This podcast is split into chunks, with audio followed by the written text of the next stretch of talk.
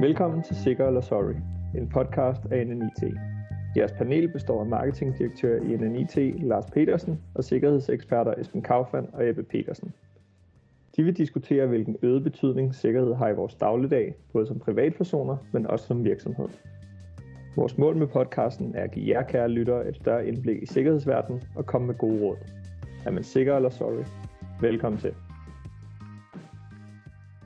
Vi har netop lagt 2020 bag os og har taget de første skridt ind i 2021.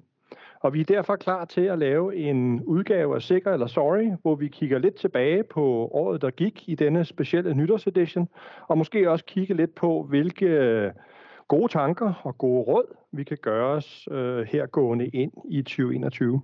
Mit navn er Lars Petersen. Som sædvanligt har jeg lov til at være vært for denne Sikker eller Sorry podcast, og jeg er utrolig glad for, at mit podcast år 2021 starter med det samme stærke panel, som jeg også havde øh, fornøjelsen af i øh, 2020. De to øh, gange E'er, øh, nemlig øh, Ebbe Petersen. Velkommen til dig, Ebbe. Tusind tak skal du have, og godt nytår. Tak, og i lige måde. Øh, og også velkommen til det andet E, Esben Kaufmann. Hej Esben. Tak for det. Hej. Og godt nytår til dig også. Godt nytår. Jeg håber, at I begge to er kommet øh, sikre øh, ind i 2021. 10 fingre. 10 fingre. Det er godt. Jeg har ikke købt noget fyrværkeri. Jeg kender risikoen.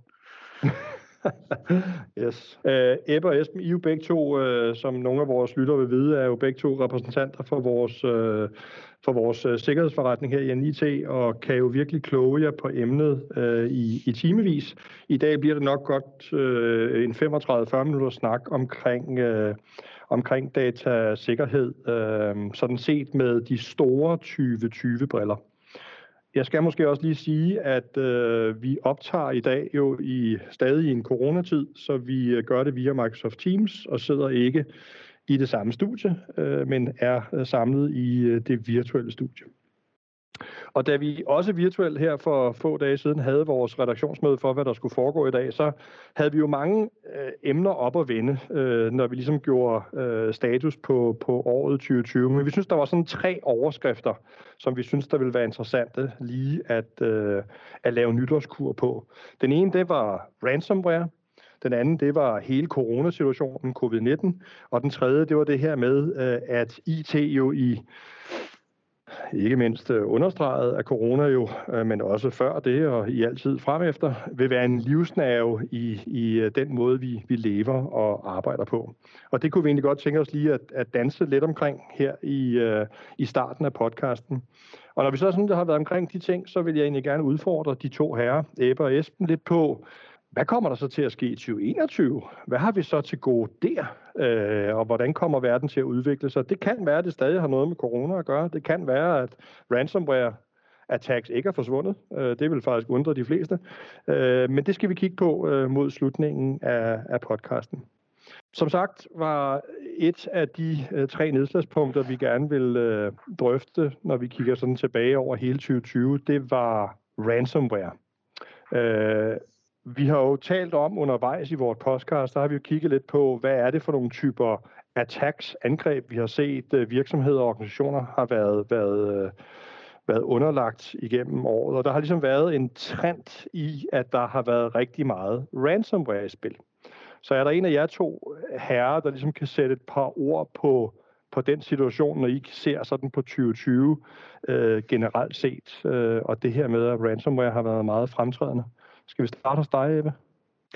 Ja, det kan vi jo godt. Øh, jamen, jeg synes jo, det der var øh, skete i 2020, det var jo meget, at man så, at ransom, øh, hvad kan man sige, operatørerne, lad os kalde dem dem, eller hacker, eller hvad det må være, kriminelle i hvert fald, at de begyndte at fokusere mere og mere på større og større organisationer og virksomheder, for ligesom at sige, jamen øh, ransom, den er jo nok større, gevinsten er større, når man er kommet ind. Øh, Øh, så der har været meget fokus på at, at både at ramme øh, finansielle industrier og industrier, som har penge og som har en vis størrelse, så, så de bliver udfordret i forhold til at skulle betale noget ransom. Øh, og det vil jo nok fortsætte, hvad kan man så sige, her i, i 2021, øh, fordi øh, øh, coronasituationen desværre har, er uændret, eller måske endda er blevet værre, øh, og folk arbejder hjemme det, der er udfordring med det, det er jo så selvfølgelig uh, endpoint, når vi snakker det her med, nu er vi alle sammen hjemme, og det bliver vi ved med et godt stykke tid endnu på verdensplan. Uh, jamen, det er jo endpoint protection. Altså, ransomware skal ind, Øh, og nu ved jeg ikke med dig, Esben, men når man har børn og alt muligt mærkeligt omkring sig, og vi ikke må bruge vores USB-stik og, og så videre, hvis man ikke har lavet de rigtige øh, forholdsregler og fået deaktiveret og husker at låse sin skærm og alt muligt, som man nu skal gøre herhjemme også, øh, altså det er jo en mere flydende arbejdsplads mellem, når jeg skal lige tjekke min e-boks, jeg skal også lige måske øh, surfe og købe et nyt køleskab, øh, og bare det den rigtige hjemmeside, og så lige pludselig har man fået noget ransomware ind den vej. Så der er nogle nye udfordringer med, med det her arbejde øh, hjemmefra. Ja, bestemt. Det er jo ingen tvivl om, at, at det er nogle nye typer udfordringer, og både i forhold til at arbejde hjemmefra, øhm, så som du siger, Ebbe, det er bare en helt anden hverdag, vi har været ramt af her i 2020.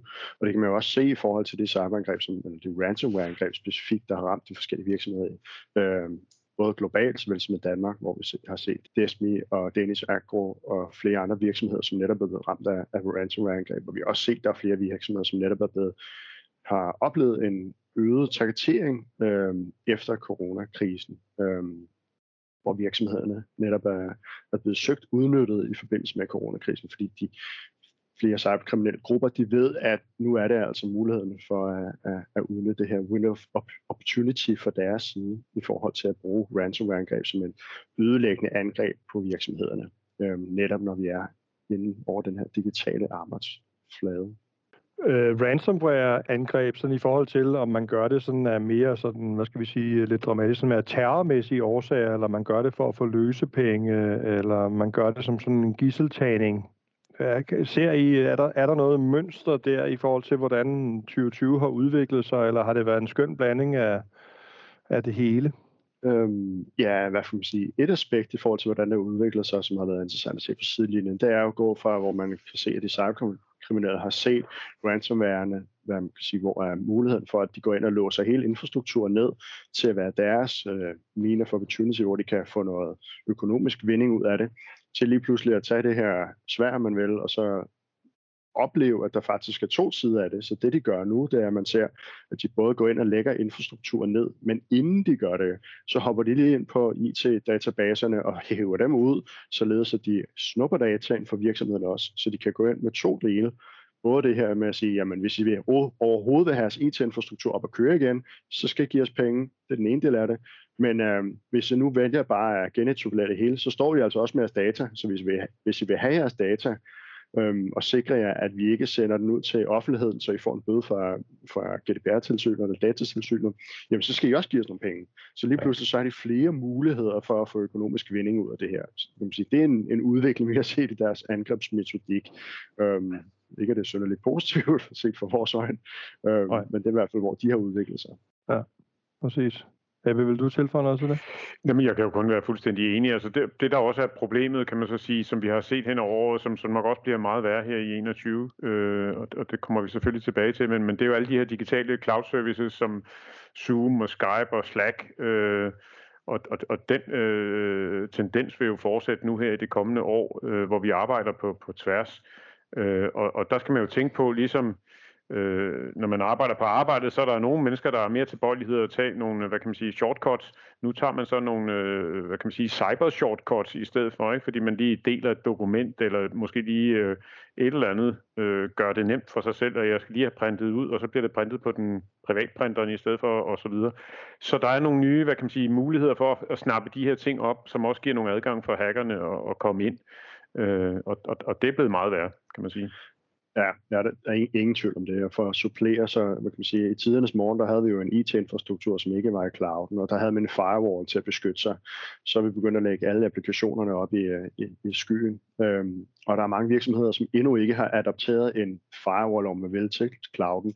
Det, som man kalder Cloud Application Security broker. Det her med, at vi skal jo også beskytte vores øh, cloud services. Så alle de her tredjeparts applikationer, man gør brug af via sin browser eller øh, andre cloud-applikationer derude, de skal jo også beskytte. Vi skal også sørge for at beskytte den data, der kommer derop, sørge for, at de credentials, vi, vi har der, de også er sikre på den rigtige måde. Og der er det der, hvor man skal bruge nogle af de nye løsninger, som der findes derude, øh, som groft sagt for lægmandssprog, altså matcher de firewalls, vi tidligere har kendt, så skal man have en firewall til sin cloud-løsning. Og der er mange virksomheder, som mangler den del af det. Og det er jo selvfølgelig en stor risiko, netop når vi sidder herhjemme og siger, det er da super smart, man lige kan gå ind på en hjemmeside og få oversat sit, uh, sit dokument fra det ene sprog til det andet, eller få lavet mm. det om til en pdf eller noget lignende, uden egentlig at tage hensyn til, hvad det er for en applikation, man benytter det på, på det store internet. Ja, det giver god mening. Øhm, en af de ting, jeg også erindrer, vi har været omkring, når vi har talt om de her forskellige ransomware attacks, som vi har været vidne til igennem 2020, det er jo også øh, mængden af mørketal, der nødvendigvis må være på det her område her. Altså vi har faktisk talt om det positivt på den måde, der faktisk har været virksomheder, som har været enormt åbne omkring, når de har stået i den her situation. Øh, men jeg tænker også, at der er formodentlig lige så mange, hvis ikke flere, som har været udsat for noget lignende, men hvor vi aldrig hører om det, fordi det netop bliver håndteret, øh, hvor man desværre jo nok efterkommer øh, gisseltærernes øh, krav, eller hackernes krav, ikke? Er I, ser I også øh, jo, bestemt, mørke, mørketal og, og, ja. og, og, og altså værdien af det, at øh, øh, virksomheder og organisationer har modet til at stå frem og fortælle, hvad der sker? Ja, både og, øh, Lars, som du siger. Hvad hedder det, der er to dele af den. Den ene del er, at hvad hedder det, vi ser en øgning af de her ransomware-angreb, som gør, at der er flere virksomheder, der bliver eksponeret.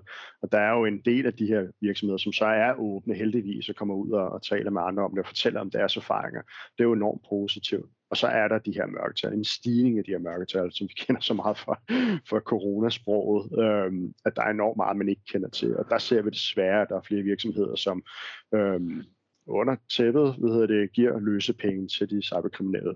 Og det fordrer jo, at de skal fortsætte. Der er ingen tvivl om, at når de sidder i de her cyberkriminelle grupper, og så de nemt kan høste to for millionbeløb ved at, ved at lægge den indsats for dagen, som de gør. Det er jo fordrende for, at de lige skulle fortsætte et, et par år til, kan man sige. Ikke? Øhm, ja. Og der er nogle kan man sige, der ser vi flere og flere eksempler, hvor det kommer frem, at virksomhederne de har givet, uh, givet store summer til de cyberkriminelle for at slippe ud af den her kattepine.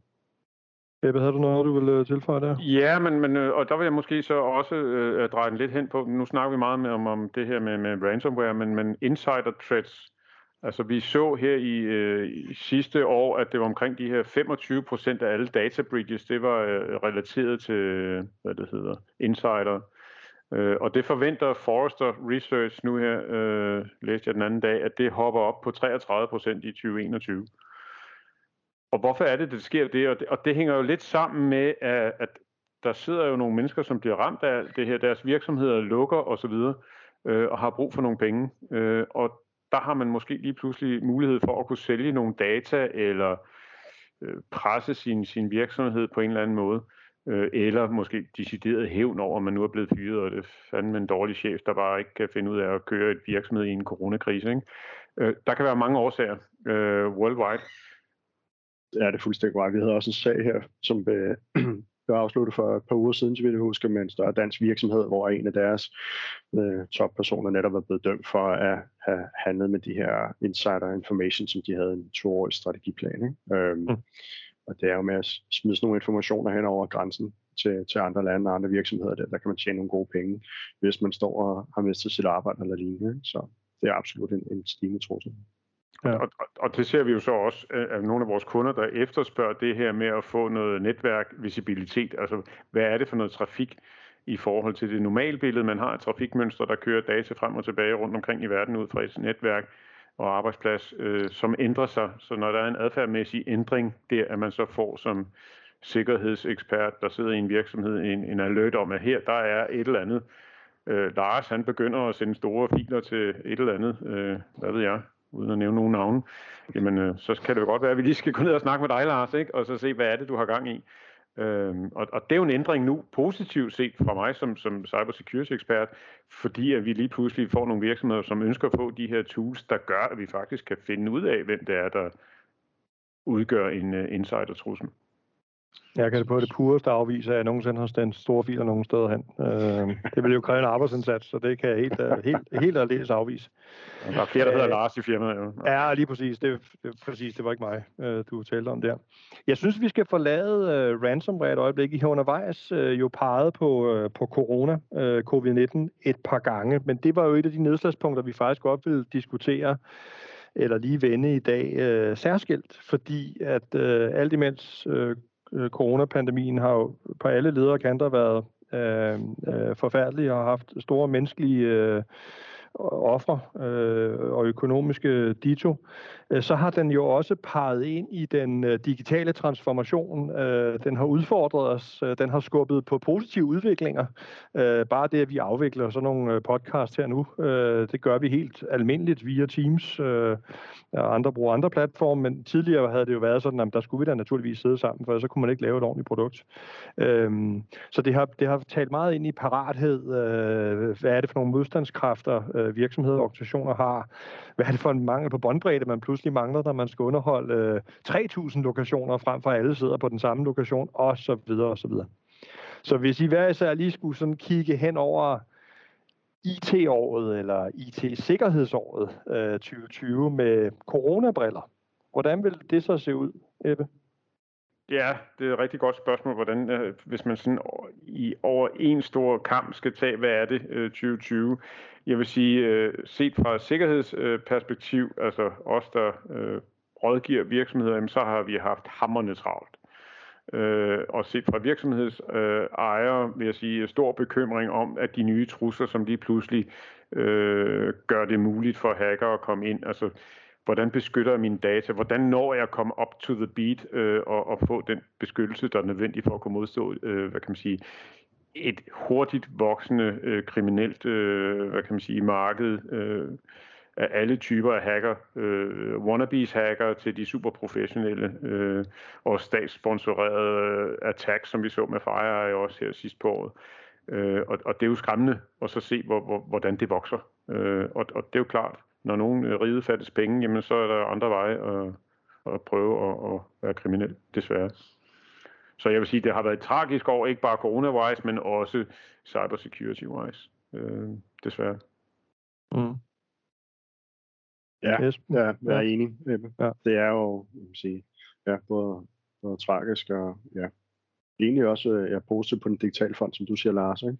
Øhm, det har været som om, at jeg sige, vi, vi har jo alle vidst, at den digitale transformation er, har været i gang, har haft det på egen krop, og det har jo været noget, vi har fulgt. Nu har der bare kommet en, hvad kan man sige, en jetmotor bagpå, der lige har givet det et ordentligt skub bag i, så vi oplever noget, noget helt andet. Øhm, hvad kan man sige, for det menneskelige og min personlige plan, så har vi jo også oplevet en, en anderledes måde at arbejde på, altså hvor vi markant skal lave et hurtigt skifte.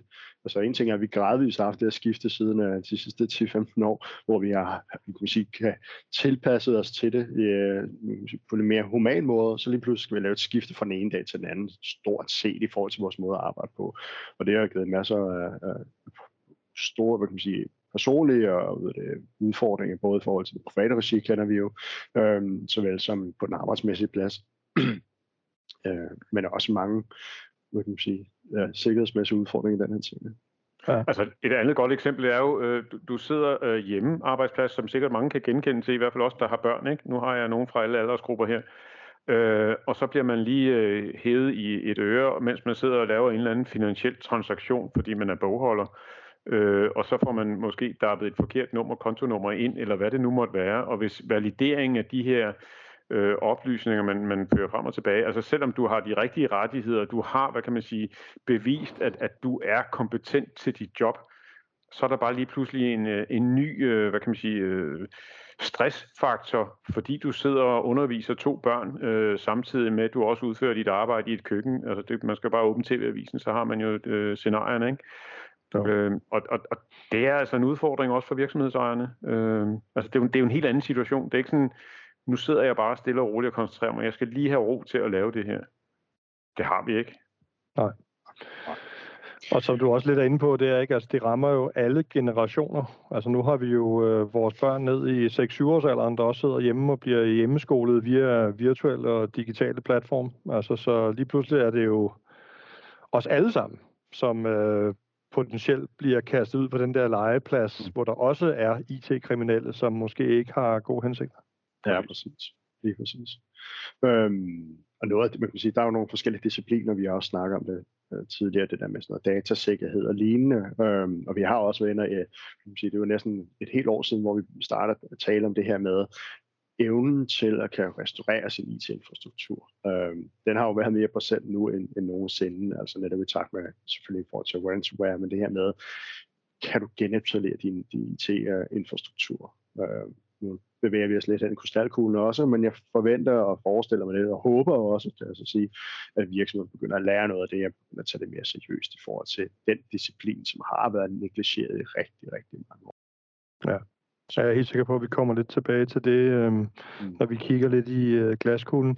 Den, den sidste ting omkring øh, corona, som jeg lige kunne tænke mig, at øh, vi lige berørte, det har måske også lidt mere et, et, en lidt mere etisk flavor, men det er det her med, at, at øh, at øh, for eksempel smitteopsporingsværktøjer, som jo nu er blevet øh, meget populære og af gode grunde her i, øh, i, i 2020 for at holde styr på, hvem, hvem der har den og hvem der ikke har den, og snart hvem der er vaccineret og hvem der ikke er vaccineret, og hvem der måske får et pas, hvor der er informationer omkring vaccinationer og andet i. Så har det også medført nogle etiske dilemmaer omkring endnu mere følsomme data, som bliver opsamlet, og, og sporing på, hvor vi befinder os og hvem vi har været tæt på som jo så igen, når man sætter det ud på en legeplads, hvor der eventuelt også er mange, eller måske ovenikøbet et stigende antal IT-kriminelle, så bliver det endnu mere et etisk dilemma. Øh, og det synes jeg da i hvert fald undervejs, at du har haft nogle øh, stærke holdninger til. Øh. Jamen det har jeg, fordi at vi skal jo tro på leverandørerne. Altså, øh, ja. øh, I det her tilfælde er det ikke net, der øh, har lavet noget. Øh, og der, der skal man jo bare have, øh, stole på, at dem, der validerer den kode og, og de data, og det bliver afmasket, og hvad der ellers måtte være, gør, at man kan sikre sig som borger. Fordi som borger har vi jo ikke jordisk chance for at validere og tro på, at de gør det godt. Øh, og, og, og man kan jo sige, når der sker sådan noget med Trump, hvor valgstemmerne, ah, kan du ikke lige tælle dem en ekstra øh, gang op, fordi jeg gerne vil have, at tallene ser sådan og sådan ud. Altså, hvad er, hvis der sidder en ingeniør med en nøgle til noget, som, som så kan misbruges, altså det sker jo bare igen og igen, ser vi desværre. Det er jo ikke fordi, at jeg skal sige, at man skal være mistroisk overhovedet og skæg og blå briller, men, men afhængig af hvilket land, øh, og der bor vi jo så heldigvis nok i en af de bedre verdensdele, øh, men der kan det her bare misbruges big time. Øh, og hvis man downloader en eller anden smittesporing-app, øh, som ikke er dansk udviklet og europæisk og hvad der ellers måtte være, men hvad ved jeg, af anden herkomst, jamen så skal man bare være klar over, at de her data, øh, de bliver altså brugt til andre formål. Øh, mm. Det skal man tage som udgangspunkt. Og, og det synes jeg er en stor problematik, fordi vi flytter jo grænsen igen og igen og igen, altså i forhold til for 20 år, 30 år siden. Øh, hvordan deler man data? Øh, nu deler vi alt, basically. Ja. Ja, ikke mistroisk, men måske, uh, som det har været tonen igennem uh, flere af vores uh, samtaler her, en, en sund portion skepsis, mm. uh, og man tager sig lidt i agt. Ikke? Det er vel egentlig det, der er opfordringen.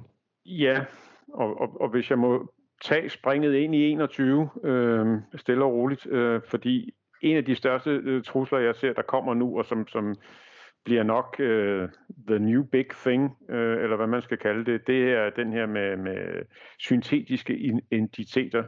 Altså, at mit ansigt bliver misbrugt. Altså, vi, vi ser jo rundt omkring, og, der, og på diverse tech-talk og hvad der måtte være, at nu er det relativt nemt og billigt at købe et eller andet fake software, som, som bruger mit ansigt, øh, og jeg kan sidde her og tale øh, virtuelt, og det er faktisk ikke af mig. Og i øvrigt kan jeg også forvrænge stemme, fordi datakapaciteten, eller hvad kan man sige, maskinen CPU-kapaciteten nu er tilstrækkeligt stor for en almindelig borger at købe en, en maskine, hvor man så kan fake sig igennem.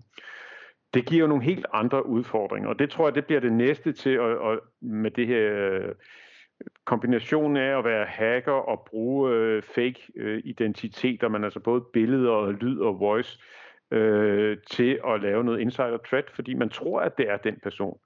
Og når man så sidder og snakker, hvis, jeg, hvis det nu er dig, Lars, der har sendt en, en mail, som jeg nok vil kunne få, hvad kan man sige, logget på nogle systemer, og så få sendt en mail, så, så, så det ser ud som om, det faktisk er Esben, der sender en, en mail til dig, men hvis du så går på Teams bagefter for lige at ringe op og se, se, om det er Esben, og så er det faktisk også Esben, der sidder og ser, selvom det er mig med en fake ID, øh, der ligesom, og et andet ansigtsudtryk, og, og ligner ham sådan set, ja, ikke? Lidt morgenhår og, og lidt skægstube, eller hvad det er. Ikke? Nej, men, men seriøst, det det, vi kommer til at opleve, og det tror jeg, det, det bliver det nye øh, desværre, øh, fordi det bliver så meget svært at gennemskue, og specielt hvis det er relationer, som du ikke, øh, altså vi har, lytterne her kender jo vores humor også, og ved, øh, når jeg snakker, eller når du snakker, Lars, og Esben for den sags skyld, ikke? Øh, men hvis man ikke kender den måde, vi er på, øh, jamen, så er vi jo bare så nemme og, og hvad kan man sige, fake.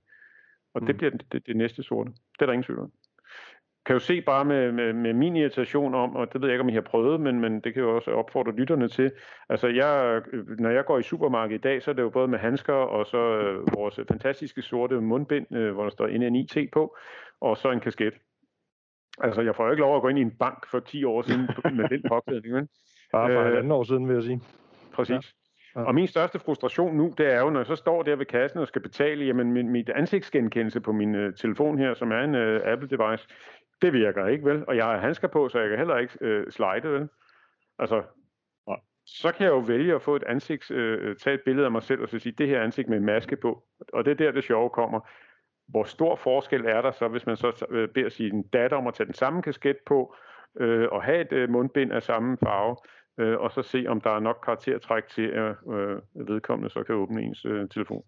Ja. Ja. Og det er igen der, så snakker om de her øh, shortcuts, fordi at man bliver irriteret over et eller andet. Nu er det mig, der bliver irriteret over, at jeg ikke kan betale i hvad ved jeg, Netto eller hvad det er. Nu skal vi ikke lave reklame på nogle butikker. Der handler jeg så meget. Men, men øh, så laver jeg en shortcut. Men jeg kompromitterer ja. min egen sikkerhed, uden at tænke ja. over den. Præcis. Og det er nogle helt nye faktorer, som vi kommer til også igen at se her til næste år. Eller i år er det jo. Ja. Det er faktisk i år, ja. Det er faktisk og tak, fordi du lige snød lidt uh, på rundown der og stak af til uh, 2021. Det er helt forventet. Det måtte jo ske.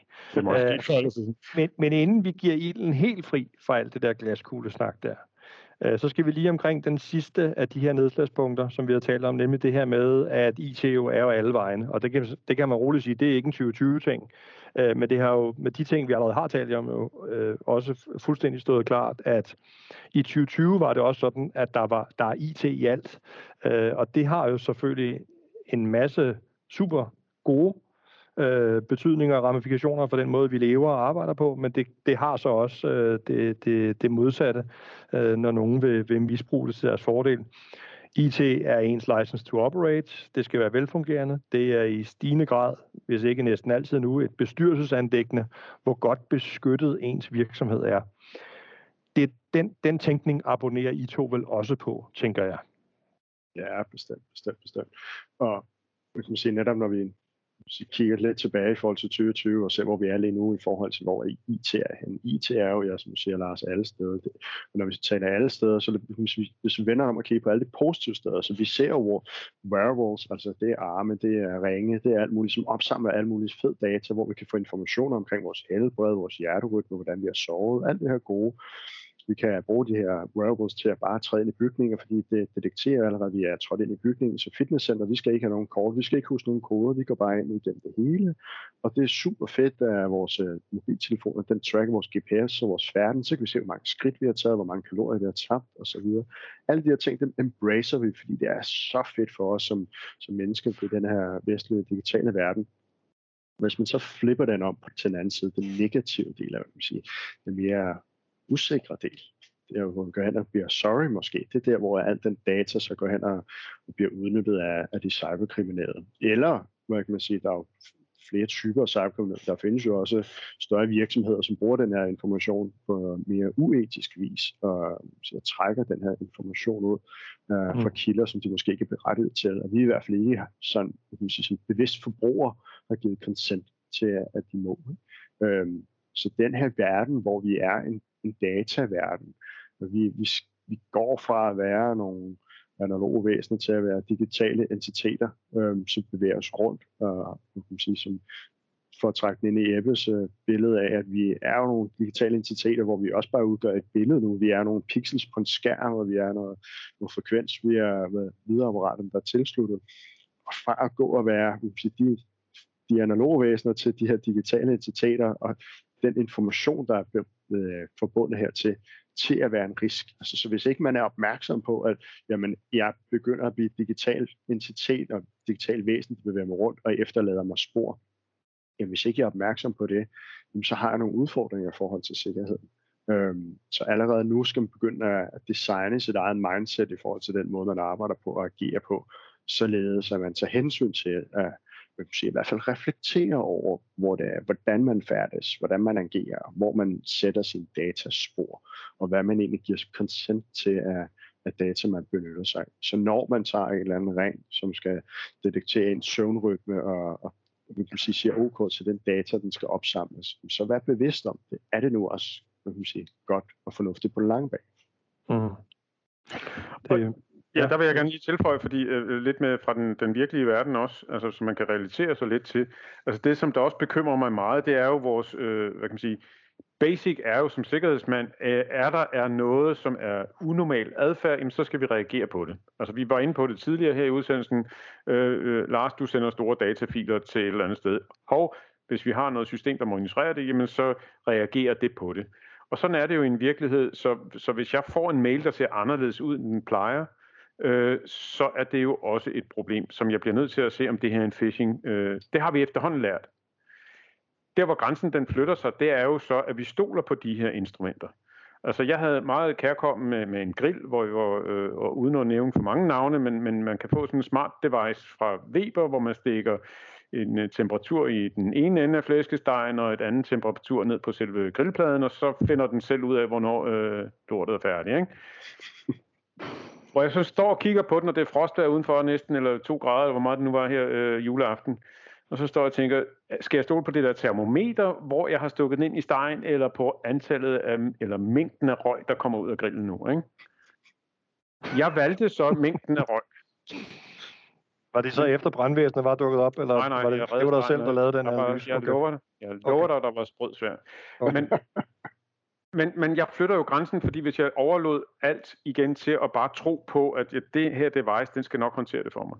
Andet godt eksempel. Jeg har en bil, øh, uden at nævne, hvad det er for en bil, men den er i hvert fald så meget øh, elektrisk, at den en gang imellem skal have en opdatering. Øh, og nogle gange, så skal den resettes.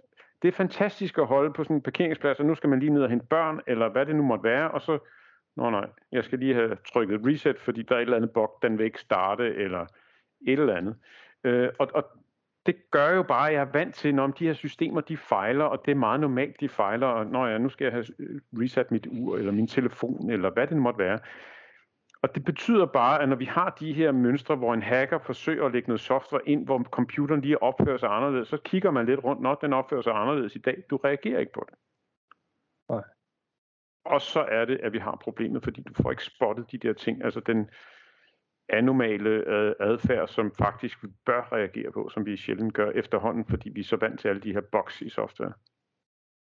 Og det kommer vi givetvis til også at opleve igennem øh, resten af 2021, som vi jo så småt lige har, har taget hul på. Så lad os nu give ilden fri og kigge lidt på det her 2021, det skønne år, øh, vi står i, hvor vi alle sammen skal vaccineres, og solen kommer til at skinne, og det bliver dejligt. Øh, men også et år, hvor vi jo måske på grund af de øh, skridt, vi har taget gennem 2020, jo i høj grad skal huske øh, emner omkring datasikkerhed. Øh, vi har været lidt vidt omkring, vi har talt lidt om øh, cloud app security, vi har talt lidt om øh, de stigende insider threats, vi har talt lidt omkring det her med at få restaureret øh, ens øh, IT-infrastruktur. Øh, du var også inde på det her Ebbe, omkring de syntetiske profiler, altså det her med, at det er endnu nemmere at fake, øh, hvem man egentlig er, både i billede og i lyd. Øh, så, så, så hvordan ser I alt det udvikle sig i 2020, og er der, er der nye råd, som vi kan tilbyde, eller er det lidt more of the same, eller er der nogle steder, vi skal stramme nogle skruer, enten set som private borgere i dette skønne land, eller som institutioner, organisationer og virksomheder? Er, er, hvad, ser I, når I kigger her de næste 12 måneders tid? Det er et stort spørgsmål, ikke? Det er et kæmpe ikke, spørgsmål, og jeg er så glad for, at jeg bare kan stille det. Altså, ja, jeg sidder jo bare og sender store filer rundt. Ja, det er præcis. Ja. Jeg tror altså, hvis vi skal kigge lidt på øh, det her, som jeg sagde med, en af de store øh, tendenser, der er med, at, at man får faked sine profiler, både i levende billeder og i tale, og hvad der ellers måtte være. Øh, modsvaret til det, som nok bliver, øh, hvad kan man sige, måske øh, æraen for, for, for den nye cybersecurity modspil, det er automatisering. Altså, kunstig intelligens og machine learning, øh, som der ligger i produkter, der giver det her netværksvisibilitet og holder øje med endpoints. Hvad er det, der foregår? Er det en, øh, en, en normal eller øh, ændret adfærd? De får sin ære nu, fordi det er den eneste måde, man kan følge med. Der kommer så mange alarmer og alerts, øh, som vi som mennesker simpelthen ikke kan nå at følge med i mere, fordi at, at, at de forskellige, hvad kan man sige, cybersecurity øh, fra Forrester og øh, øh, ja, alle mulige analytikere siger, jamen det her det vækster mellem 30 og 50 procent til næste år, altså øh, mængden af, af tax. Øh, og, og modsvaret, det er jo at, at, at bruge mere intelligent til at, eller intelligens øh, til at mod, holde hackerne ude, så at sige. Ikke? Spotte, at her er der noget, der er fake. Mm. Og, og, og jeg tænker, noget af den der vækst, som de så også kigger ind i, det er så drevet af det faktum, at endnu flere mennesker er blevet sat foran en skærm, og endnu flere er måske blevet disenfranchised, fordi de har mistet et job eller andet, og derfor mm. kaster man sig over øh, uheldige måder at bruge øh, det digitale på, ikke? Så, det er klart. Så der, der er flere IT-kriminelle potentielt i, i omløb. Ja, og vi bliver mere og mere mobile også, ikke? kan man så sige, øh, som også gør, at vi bliver mere, øh, altså vi connecter mere vælgeligt op på, på andre wifi-punkter og så videre, uden at egentlig tænke over, hvad det er sikkerhed generelt, fordi vi har travlt, og vi er presset i en hverdag af mange faktorer, som vi ikke har set før. Altså ja. det der med, at man har børn, og man så kører på arbejde, ej, nu kan jeg få fri, ikke? Altså, det, den kender vi IT-nørder i hvert fald, ikke? Øh, fordi så, så kan man da sidde og koncentrere sig. Øh, den kan vi jo ikke mere. Altså, nu skal vi jo nærmest... Altså, jeg har lært at multitaske, ligesom kvinder, ikke? Mm, præcis. Og held og lykke, held og lykke med det, Ebbe. Ja, ja, øhm, jo, bestemt. Øh, og specielt det der med mobile devices. Altså, vi kigger jo ind i en global verden, hvor to tredjedel af, af alle mennesker på den her jord, de har et mobile device det er jo en enorm skare af mennesker, en enorm skare af mobil devices. Øhm, og efterhånden, som de bliver interconnected alle sammen og koblet op på det ene på det andet, og, ved det, og data flyder igennem, så, så er der jo ikke noget at sige til, at når man sidder som cyberkriminel, og så øjner chancen for at hæve penge ud af det her data morast, jamen så udnytter man da den mulighed, der er. Ikke? Det er klart. Øh, det er helt sikkert.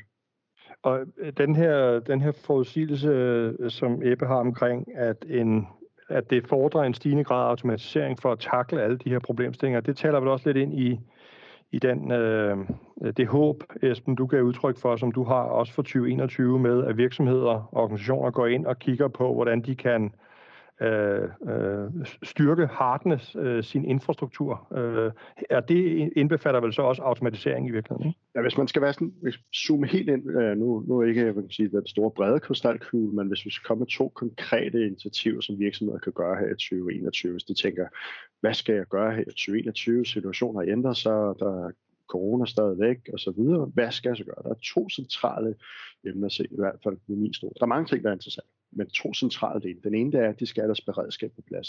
Så det her, som Ebbe siger med, at øh, evnen til at detektere og respondere i forhold til incidents, jamen det skal på plads. Og som en naturlig del af det, så handler det om, at du kan automatisk detektere, når der kommer de her hændelser. Man automatisk detektere, at der er nogen, der er inde på din IT-infrastruktur, som ikke skal være der. Og så har du noget personel, der kan detektere og respondere i forhold til de her cyberkriminelle. Så det er, sådan, det er den ene ting, nummer uno altså det her 24-7-beredskab.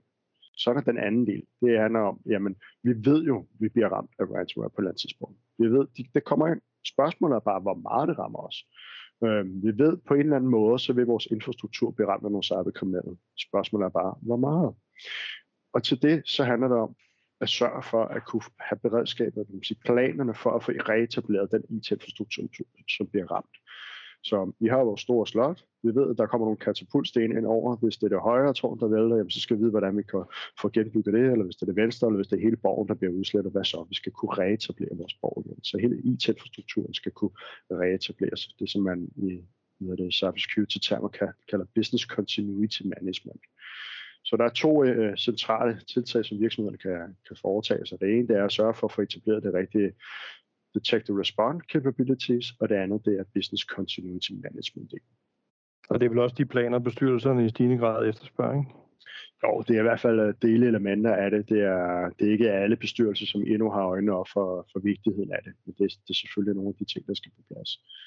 Øhm, og det er jo klart, det er jo utroligt komplekst emne, så at sidde i bestyrelsen og forvente, at det skal være ved det, mennesker, der har totalt styr på det, det er jo, det er utopi. Ikke? Men, men det er klart, de bliver jo mere og mere opmærksom på, hvad er det egentlig, der skal til som, kan man sige, for at overleve de her angreb, som vil ramme os alle sammen på et eller andet tidspunkt. Ikke? Ja. Spørgsmålet er bare, kan det så gardere sig, så man impact er, er så minimal, som den kan være. Ikke? Ja, præcis. Ebbe, jeg plejer, en... Jamen, det har jeg, fordi jeg, skal, jeg plejer jo altid at skræmme lidt, og det synes jeg jo også, ja. jeg skal have lov til. ikke mindst mig, ja. Og, og, og det vi slet ikke har snakket om, øh, og det er jo øh, teknologi, som jeg er tilhænger af, øh, det har jeg vel efterhånden fundet ud af, kan jeg lytte. Øh, men det er jo øh, implementeringen af 5G øh, worldwide. Og øh, med 5G, jamen, så regner vi jo med, at hvad er det, de siger, omkring 30-40 procent øh, af verden vil være øh, dækket med, med, med, med 5G og har øh, hvad hedder, overførselshastigheder på op til 10 gigabit per sekund. Og det betyder jo bare, at vi lever i en voksende cloud-baseret verden, hvor, hvor data og, og storage og SaaS-løsninger, både til B2B og, og B2C øh, kunder, de, øh, det er den vej, det går. Og det giver jo bare nogle, nogle øh, hvad kan man sige, et, et, et skinnende eksempel for, hvordan øh, hackerne og nye trusler, de så også vil øh, ligge i slipstrømmen af, af den her nye teknologi, som gør, at de kan tamper med, med data, eller gå ind og manipulere med de data, der kører i højhastigheder frem og tilbage, øh, fordi vi simpelthen ikke kan overskue de mængder af data, der så kører frem og tilbage.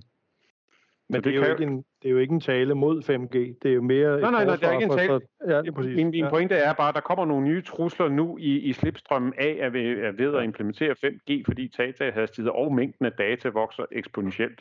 Ja. Øh, altså helt ekstremt. Øh, og, og, og det giver bare noget, øh, nogle andre muligheder som, som hacker, som, som vi ikke har set før, som, og, og de plejer ikke at ligge på den lade side, må jeg jo sige. Det har vi jo desværre erfaringer med. Ja.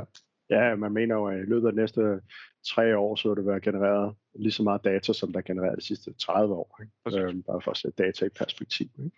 Mm. Så, og så, så kommer vi så i, for lige at følge op på det næste undskyld, jeg afbrød, men det er jo så det her, så er der gabet til de her sikkerhedseksperter.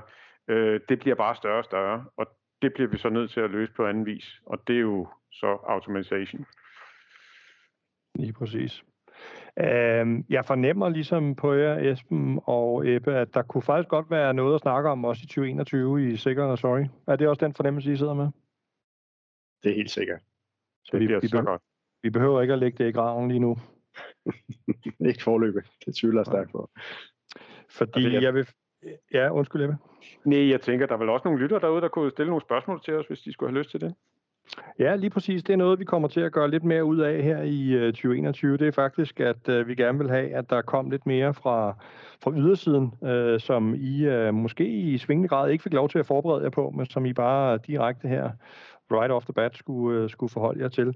Men, men i hvert fald, Øh, jeg vil gerne sige tak for, øh, først og fremmest tak til dem, som stadig lytter med, men også tak til, til dig, Ebbe, og tak til dig, Esben, for lige at tage os igennem de her tre øh, nedslagspunkter for, for 2020, som vi i hvert fald synes har været, øh, været toneangivende, og så også fordi I undervejs og her til sidst har kigget en smule ind i, øh, i 2021.